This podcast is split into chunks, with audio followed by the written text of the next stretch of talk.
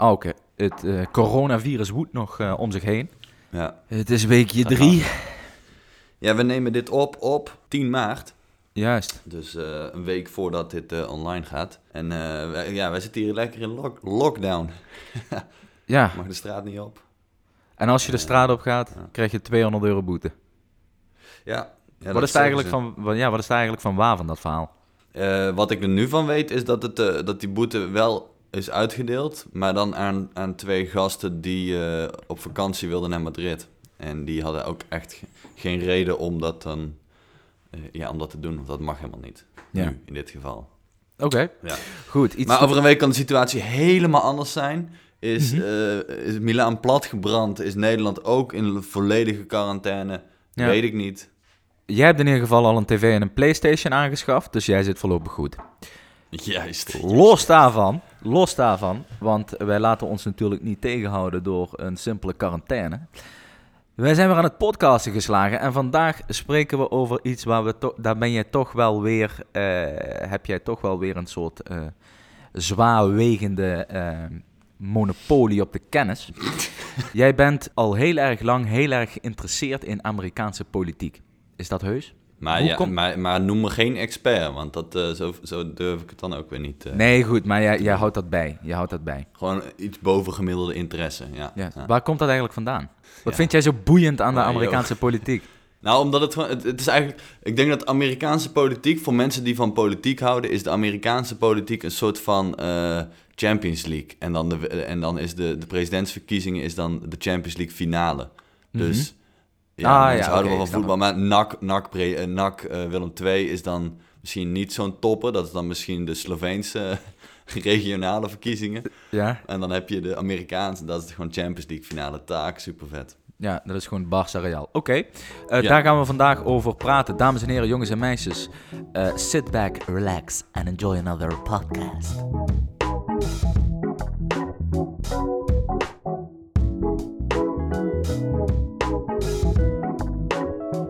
Dit is Met een Korreltje Zuid. In deze podcast nemen we je wekelijks mee naar internationale obscuriteiten en geopolitieke uithoeken. Ongezouten, maar met smaak. Wij zijn Max en Auke. Welkom.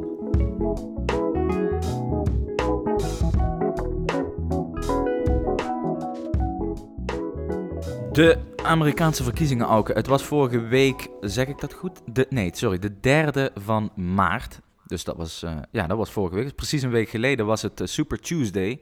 Dus dan vliegen je al die berichten over de Amerikaanse verkiezingen weer van links naar rechts eh, langs de oren. Ehm, Kun jij even kort uitleggen, voor mij ook, want ik snap verder ook niet zo heel goed wat er gebeurt allemaal in Amerika, hoe dat stelsel precies in elkaar zit bij die mannen? Ja, maar dat versimpel ik dan wel een beetje, want het is gewoon nu eenmaal niet heel, heel een- eenvoudig. Ja, Ehm, maar op zich ook weer wel. Laten we het proberen. Kijk, in Amerika heb je natuurlijk twee partijen. In Nederland hebben we er een stuk of 10, 15. Mhm. Ja. In Amerika twee. Dan maakt het al een stuk makkelijker. En nu komen er in november weer presidentsverkiezingen aan. Iedere vier jaar. En Ja. die twee partijen die moeten dus tot een besluit komen wie hun kandidaat wordt. Want je, ja, je kan natuurlijk maar één persoon van de Democraten en één persoon van de Republikeinen... eh, kan uiteindelijk op dat stembiljet staan. Mhm. Ehm, dus die moeten gekozen worden. Voor de Republikeinen is het eh, makkelijk. Het is gewoon een soort van ja, traditie erin geslopen dat zeg maar, de zittende president ook eigenlijk automatisch wel eh, de volgende ronde meedoet. Dus Trump, officieel, die, die, die, er zijn dus voorverkiezingen voor de Republikeinen. En Trump wint die gewoon allemaal, maar dat is helemaal niet gek. Mhm. Want Waarom ik zeg niet? voorverkiezingen. Waarom nou, is dat wat, dat, omdat hij dus de zittende president is. En dat is ook een soort van traditie. En Mhm. het heeft natuurlijk ook gewoon mee te maken dat ja, Trump dagelijks in het nieuws komt. Wat ja, geen enkel campagnebudget kan daar juist. tegenop. Hij heeft die eh, PR-leverage exposure. gemaximaliseerd. Ja, Oké, juist. vet. Ehm, maar ik zeg voorverkiezingen, want wat is dat nu? Ja, Amerikanen die zijn natuurlijk, die houden van de democratie. Dus die kiezen niet zomaar iemand die dan op dat stembiljet komt te staan. Mhm. Eh, dus daar houden ze dan voorverkiezingen voor, zo heet dat. En wat ik zei, ja, aan de republikeinse kant is dat niet zo spannend. Dat wordt gewoon Donald Trump, klaar. Mhm. En aan de democratische kant eh, is dat wel heel spannend. Dat begon echt met twintig mannen en vrouwen die daar kans op Mhm. wilden maken. Eh, en daar zijn er nu nog twee van over. Oké. Bernie Sanders en Joe Biden. Ja. Er zijn er nog twee afgevallen, dus bij Super Tuesday.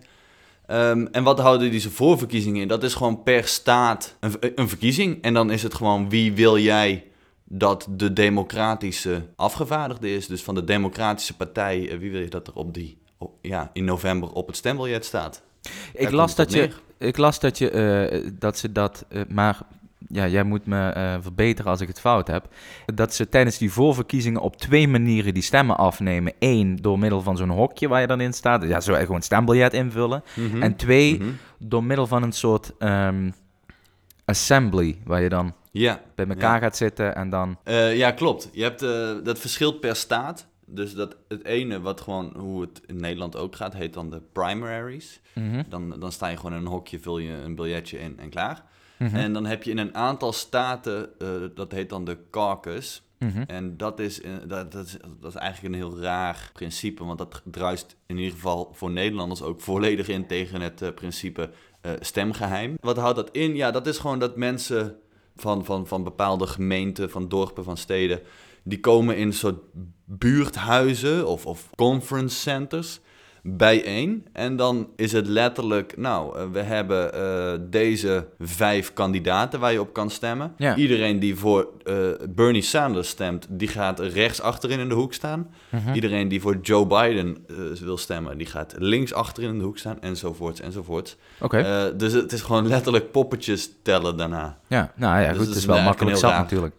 Ja, maar het is een beetje een omslachtig, omslachtig systeem. En wat denk ik ook wel een forse kritiek daarop is, is zeker in kleine communities, Mhm. eh, kleine dorpen, dan wordt het wel heel moeilijk om een soort eh, rebelse stem uit te brengen. Snap je? Ja, ik snap hem. Ziet iedereen natuurlijk wat je stemt. Hey, maar Dus mag is- iedereen dan stemmen of moet je lid zijn van de partij?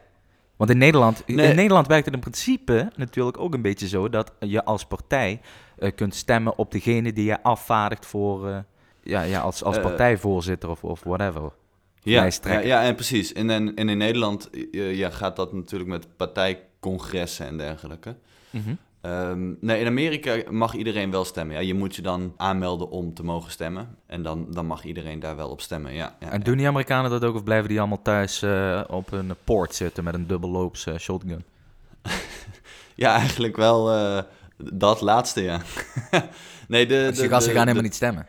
Nou, de turnout, zo heet dat dan, of hoe zeg, eh, zeg, de opkomst, de opkomstcijfers in Amerika zijn eigenlijk wel echt heel laag. Als je die vergelijkt met Nederland bijvoorbeeld, en dan weet ik uit mijn hoofd de opkomstcijfers van de presidentsverkiezingen, en dat dus niet dit, dit voorverkiezingsgebeuren, Mhm. maar de, de, de grand finale, de, ja, dus wat in november gaat gebeuren. En dan, dan zie je dat ongeveer 60, 65 procent van de Amerikanen gaat stemmen. Mhm. Terwijl in Nederland, als het Tweede Kamerverkiezingen zijn, de laatste cijfers lagen rond de 80, 85 procent.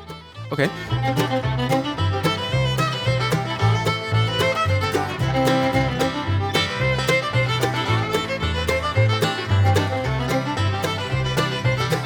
Even het volgende.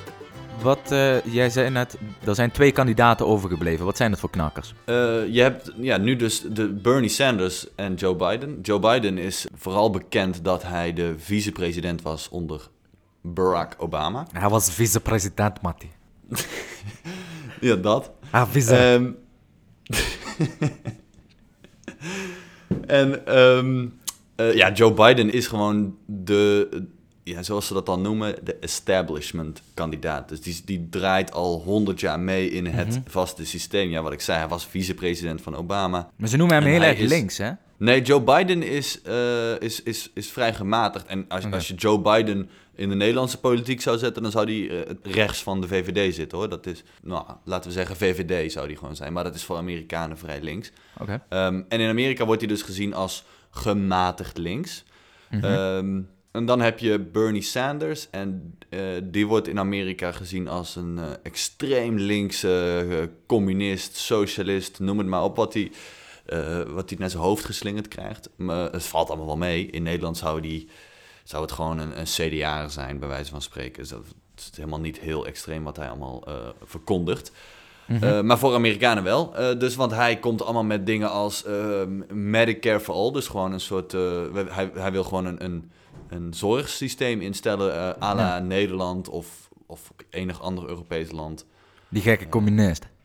Ja, ja daar is hij voorstander van.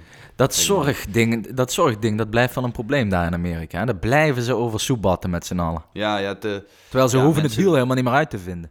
Ja, maar mensen willen daar gewoon heel graag niet betalen voor anderen. Ja, want dat is een beetje het, het, principe van een zorgsysteem. Jij en ik, wij betalen onze zorgverzekering.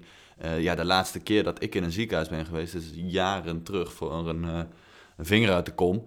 Maar ja, ik betaal iedere maand 100, 100 euro, geloof ik. Nou ja, maar dat, dat is een soort van naar de community. Maar ja, dat, dat vinden wij Nederlanders allemaal voor, vanzelfsprekend. Maar mhm. een Amerikaan die wil absoluut niet betalen voor een ander. Ja. En zo krijg je dus dat er, uh, dat er jaarlijks in Amerika ongeveer een half miljoen Amerikanen gewoon failliet gaan. Persoonlijk failliet. Omdat ze dan in het ziekenhuis komen en die, en die, die zorgkosten die, die komen op een dak. Mhm. En dan, uh, ja, dan loopt in de, in de tienduizenden, honderdduizenden euro's, dollars. En dan heb je een probleem. Mm En dan was er nog uh, die beste man die 500 miljoen tegen die uh, campagne heeft aangekletst. ja, dat is ook mooi. Dit, dat zou je misschien wel kunnen stellen dat dat de allerslechtste investering is ooit. want ja, want laat ik het even uit. Ja, dat was dus Michael Bloomberg, Mike Bloomberg, oud ehm, burgemeester van New York. Mhm. En een zakenman. Hij is oprecht heel rijk. Uh, volgens mij heeft hij iets van 60 of 70 miljard uh, op de bank staan. Hij, hij had wel een mooie, een mooie uitspraak. Toen, uh, toen kreeg hij de vraag van journalisten van... Um, ja, moeten wij als Amerikanen het nou heel chill vinden... dat er straks twee biljonairs als presidentskandidaat zijn? En toen zei mm. hij, um, wie is die tweede dan? Want hij is... Ja, bij Donald Trump hangt er altijd een soort van een mysterie om zijn... Uh, ja, weet niemand precies. Hij wil ook zijn tax returns niet laten zien. Michael Bloomberg, daar twijfelt niemand over. Die man is echt knijterrijk. Mm uh, maar goed, hij dacht, ik doe een gooi naar het, uh, ja, naar het presidentschap. Mm -hmm. En dat is finaal mislukt. Maar -hmm. echt, die man heeft dus 500 miljoen van zijn eigen vermogen tegen allerlei advertenties aangeflikkerd. -hmm. Ik geloof dat er in bepaalde staten dat mensen echt, echt ziek werden van hoeveel campagne, dus televisiespotjes eh, eh, voor hem waren. Dat ze honderden flyers in de bus kregen van uh, stem Michael Bloomberg. Maar het heeft niet mogen baten. het heeft niet mogen baten. Die, die, die man heeft dus met Super Tuesday niks gewonnen. Mhm. Behalve Amerikaans Samoa. Dat, maar dat komen we, komen we zo meteen nog even op terug. Ja, maar niks van waarde gewonnen. En uh, twee dagen later is hij ook uh, heeft, is hij ermee gestopt en heeft hij gezegd: laat maar zitten. Oké, okay, was een soort, dus, een soort uitstapje voor hem dan? Ja, ja, maar als je dus, dus met een investor zou spreken, dan zou je wel kunnen stellen dat dit de allerslechtste investering was. Want er is dus nul return on investment geweest voor die man. 500 miljoen down the drain. Ja, ja. nou ja, hij kan het leiden. Ja, dus nu nog twee, uh, twee knakkers zijn nog over. En we zullen het zien wie dat gaat worden. Het spant er nog een beetje om. Vet.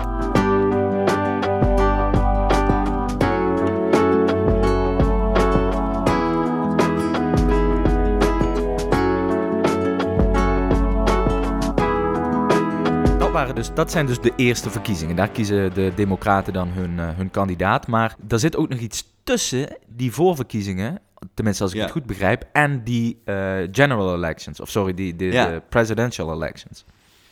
Ja, in de zomer krijg je dan de, ja, de Democratic Convention. Mhm. Dat wordt dan een heel, dan wordt er een of ander stadion in, ik weet niet waar dat gaat gebeuren, in Dallas of in, in Denver, weet ik het. Uh, huren ze een stadion af en dan komen allemaal democraten vanuit het hele land komen daarheen. Mhm. Want om het net even een stapje ingewikkelder te maken, hebben ze die voorverkiezingen als volgt gedaan. Wat, wat ik net uitlegde, dat, dat klonk vrij simpel. Dus je stemt en dan wie wint, die, die wint. Maar het zit niet helemaal zo. Het is namelijk zo dat iedere staat heeft dan een aantal kiesmannen. Dus uh, nou, zeg uh, uh, de staat Virginia. Mm uh, Joe Biden wint daar en dan heeft Virginia tien kiesmannen. Mhm. En die gaan dan in de zomer naar die convention. En die uh, hebben dan eigenlijk de opdracht gekregen: uh, nou, stem op Joe Biden. Zij doen dus eigenlijk het echte stemmen. Ja. Maar zij moeten dan wel dus de, de, de, de uitslag van deze voorverkiezing respecteren. Mhm. Dus, dus nou goed, eh, Vir- Virginia heeft Joe Biden gekozen. Die tien mannen die gaan eh, in de zomer naar eh, die convention en die stemmen dan op Joe Biden. En om nou die, die verkiezing te winnen, dus, dus om uiteindelijk in november op het stembiljet te staan, moet je, ik zeg, 1995 kiesmannen hebben die achter jou staan. Mhm. Uit mijn hoofd 1995, eh, om en nabij. En die, die gaan dus op je stemmen. Maar dan zijn er nog zogenaamde superdelegates. Mhm. Wat zijn nou superdelegates? Dat zijn, ja, zeg maar een soort VIP-democraten. Dus bij, denk, denk bijvoorbeeld aan eh, Barack Obama. Die is een superdelegate, omdat hij dan oud-president is. En die, die, die hoeft zich dus ook niet te houden aan enige uitslag van een voorverkiezing. Mhm. Die, mag eigenlijk, die mag stemmen wat hij wil. Mhm. Ehm, dus Obama zit daar. Er zijn een aantal gouverneurs en oude, oud eh, politici die dan dus de status superdelegate hebben gekregen. En ja, die kunnen dan toch best wel wat invloed uitoefenen. Want eigenlijk is dat helemaal niet democratisch. Zo'n zo'n Obama, leuke vent, maar die mag stemmen wat hij wil. Mhm. Zonder dat daar een, een, een, een, een Amerikaans burger invloed op heeft gehad. Ja, ja, ja. Maar goed. Eh, dan komt, ja, dus, dus uiteindelijk is het doel eh, ongeveer 1995 van die eh, kiesmannen, dus, of, ja, delegates en superdelegates, achter je naam te krijgen. En als je dat hebt, dan sta je in november op het papiertje, op het stembiljet. En dan En dan mag je gaan battelen met op je Trump. stemmen. Ja, dan mag, je, dan mag je gaan battelen met Trump. En dan begint het Ja. eigenlijk pas dus. Ja, ja dan begint het, het, de, de cage fight met, met Trump. Ja, dat kun je wel Hey. stellen, ja.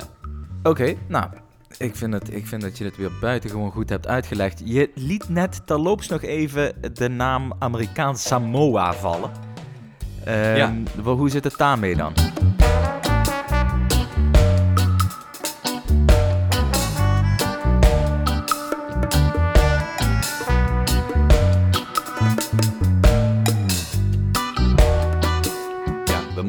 Beetje ons, eh, ons DNA van de podcast wel eh, behouden. En kijk, Amerikaanse verkiezingen is nou niet bepaald heel obscuur. Nee, wel, Maar- redelijk geopolitiek. Ja, Zou je kunnen stellen, dat wel. maar goed. Maar er zit wel een, een, een, een obscuur sn- eh, snufje aan, aan die Amerikanen. Mhm. Amerika, nou dat weten we allemaal, heeft 50 staten. En al die 50 staten, al die mensen die daar wonen, die zijn Amerikaans staatsburger en die mogen, die mogen stemmen. Maar Amerika heeft ook een aantal overzeese gebieden. Mhm. Eh, denk aan Puerto Rico. Mhm. Je hebt eh, Guam, Mhm. een Amerikaans Samoa en dan nog de American Virgin Islands. Oké. En daar wonen eh, in totaal enkele miljoenen mensen. En die mensen zijn Amerikaans staatsburger. Die hebben een Amerikaans paspoort. Die mogen in en uit Amerika reizen zonder probleem. Die mogen daar naartoe verhuizen. Mhm. Geen probleem. Maar wat wel een probleem is, ze zijn eigenlijk niet echt Amerikaans staatsburger. Namelijk, zij mogen A. niet stemmen voor de presidentsverkiezingen. Oké. Ze hebben geen, afgevaardigd, geen senatoren in de Senaat. Oei. En ze hebben wel een afgevaardigde in het Huis van Afgevaardigden, maar die mag daar niet stemmen. Die zit daar eigenlijk voor Jan Lul. Die Mhm. mag zijn praatje doen, maar die Mhm. mag tijdens ja, het stemmen op wetten mag die niet stemmen. Maar dit Ehm. riekt naar eh, kolonialisme.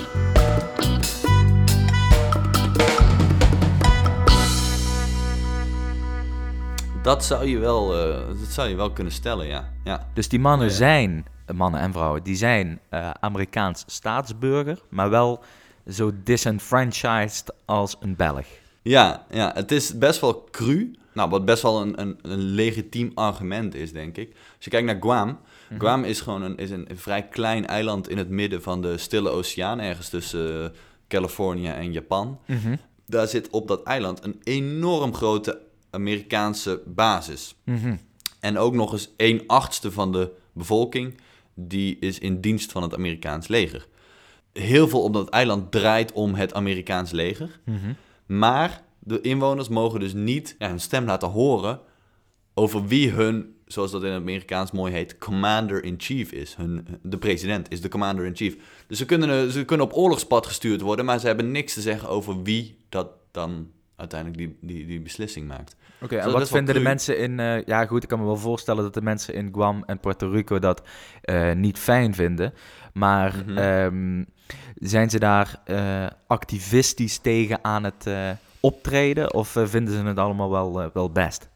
Nee, die zijn daar absoluut niet blij mee. En die zijn daar op zich ook wel activistisch tegen aan het optreden. Maar dat, dat, ja, het is heel lastig om daar iets aan te veranderen. Om twee redenen. A, zoals ik al zei, ze hebben dus helemaal geen vertegenwoordiging in eh, de Senaat. Of het, ja, ze mogen hun praatje doen. Maar voor de rest, eh, het is, ja, het is alsof je naar een, naar een kleuter aan het luisteren bent. Dan denk je, Mhm. ja, leuk verhaal, maar eh, wij gaan weer over tot de orde van de dag. Doei. Mhm. Eh, daar komt het op neer. En dan ook nog eens dat die gebieden, ja, daar wonen ja, minorities, of hoe zeg je dat? ja, eh, minderheden. Ja, minority, ja, mi- minderheden. En die stemmen over het algemeen op de Democraten. Dus de Republikeinen, die zien de bui al- al hangen. Die denken, ja, als wij dat nou een staat gaan maken of, of, of wat dan ook. Ja, die stemmen allemaal op de tegenstander. Daar hebben wij geen zin in. Dus die, die blokkeren iedere, iedere mogelijkheid daartoe. Ja, dus het is best wel cru. Wat nog eh, zuurder is, is Amerikaans Samoa. Ook een, ook een eilandengroepje in de, in de Stille Oceaan. Mhm. Want die knapen daar, die, ja, die zijn dus niet eens officieel Amerikaans staatsburger. Sorry. En dat is be- best wel raar. Zij hebben een Amerikaans paspoort. Mhm. ehm, maar daarin, op de laatste pagina, op dat, in dat paspoort staat... Ja, the bearer of this passport is not an American, uh, a United States citizen... Mhm. but a United States national. Oké. En dan... En wat, is houdt dan, eh, het in? verschil? Het zou weer een of andere Nou- juridische clausule zijn die dan weer eh, ervoor zorgt dat ze niks te maken hebben.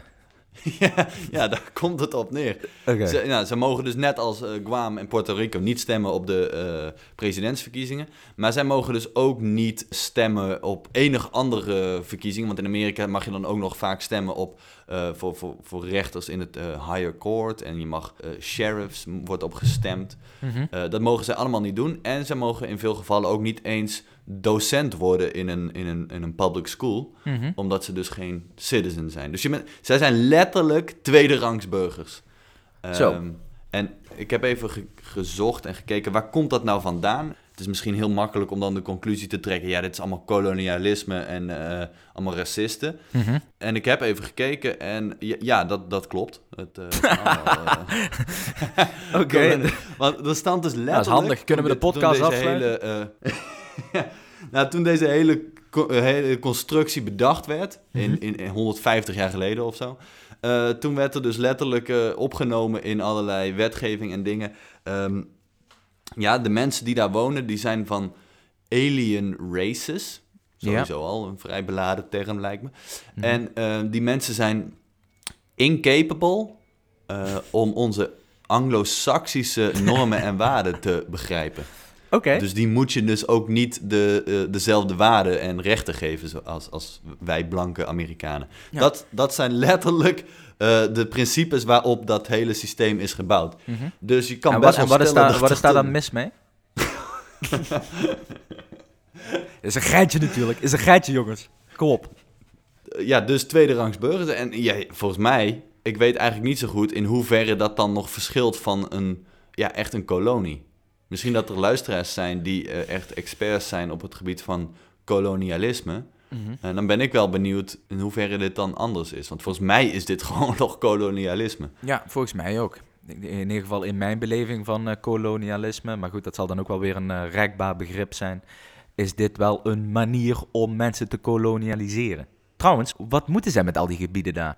Ja, eh, gewoon hoorden, gewoon hebben. Nou, en sowieso zijn bijvoorbeeld Guam, eh, zoals ik zei, daar zat een hele grote Amerikaanse basis op. Ah ja, Want dat ligt best wel strategisch, zo midden in de Stille Oceaan. eh, Dat is weer allemaal- Richting, eh, met het oog op de, op de internationale veiligheid, die international Ja. security, moeten ze dan Ja. ehm, weer ergens een basis hebben. Nou, oké. Nou, akkoord. We nou kennen de en dan heb je Amerikanen. nog de, de, de Amerikaanse Maagdeneilanden. Ja, dat is gewoon wel heel chill om te hebben. Dat zijn een stel tropische eilanden in de Caribische Zee. Ja, dat is natuurlijk altijd lekker om te hebben. Ja. Volgens mij is dat ook een belastingparadijs. Dan kun je ook je geld mooi wegsluizen. Oké. Ja, goed voor de oplettende luisteraar. Wij hebben in een podcast, en die ging over, ehm, die ging over hoe je verkiezingen kunt beïnvloeden. En naar je hand Mhm. zetten, election rigging. eh, hebben wij weddenschappen uitgeschreven, drie maar liefst, over wie Ja. de nieuwe president van Amerika gaat worden. Toen eh, met z'n tweeën zeiden we, dat wordt Trump opnieuw. Nu is dat Ja. al een aantal maanden geleden, die aflevering. Dus dan stel ik jou bij deze de vraag opnieuw. Wat Mhm. denk jij dat gaat gebeuren in november tijdens de presidential elections of the United States of America? Sowieso eh, wordt dat natuurlijk altijd weer een eh, feest om naar te kijken. Dat ze dan CNN opzetten en dat ze dan... Too early... Alabama, too early to call. Ja, ik vind dat fantastisch. Oké, Ehm, tien Lights naar binnen hijsen. Juist, juist, juist. Maar ehm, als ik dan toch nog... Ja, ik denk eigenlijk nog steeds wel gewoon dat Trump eh four more years gaat krijgen. Maar, ik zit nu te denken... Dit corona gebeuren zou wel eens roet in, de, in het eten kunnen gooien. Waarop? Maar dat is ook nog best wel vroeg om nu te zeggen. Als dat coronavirus echt een flinke eh, slag in de economie gaat slaan... Ja, dan is dat toch best wel nadelig voor Trump. Maar, Nogmaals, ja, eh, we hebben die weddenschappen openstaan. We kunnen daar ook niet meer eh, uit terug. Ja. Dus even los van alle eh, politieke consequenties die het presidentschap van Trump met zich meebrengt, zou het wel voor ons, onze beurs even lekker zijn als die toch eventjes die winst pakt. Absoluut. Ja. O- overigens, over, over onze beurs gesproken. Ehm, ja, Max en ik maken dus iedere week deze podcast. En daar gaat er redelijk wat tijd in zitten en, en, en werk, voor, voorwerk. Ehm, en nu hebben wij bedacht om een soort, eh, ja, een soort Patreon, maar dan de Nederlandse versie te, te beginnen. Dat heet patje.af. En eh, daar kun je ons steunen met een klein, eh, klein bedrag per maand of, of een- eenmalig. of een groot- niet uit. Kan allemaal groot met, bedrag. met, met Ideal. Grote bedragen. Gro- Grote bedragen mag ook. Ehm, dus dat zou heel, heel chill zijn als je ons daar een klein beetje kan steunen. En dat kan op patje.af slash Oké, het was me weer een waar genoegen. Ik vind dat dit vertelgesprek van jouw kant weer eh, helderheid heeft eh, geschept in, dit, eh, in het rookgordijn dat om de Amerikaanse politiek heen hangt. Ik wil je daarvoor danken. Ik ga er een beetje vanuit dat het dank wederzijds is. Absoluut. En ik zou aan de luisteraar willen vragen om volgende week rond dezelfde tijd weer opnieuw deze parel van een podcast tot jullie te nemen. Om toch een beetje bij te blijven wat betreft de internationale, obscure en geopolitiek geëngageerde onderwerpen. Dames en heren, u wordt bedankt.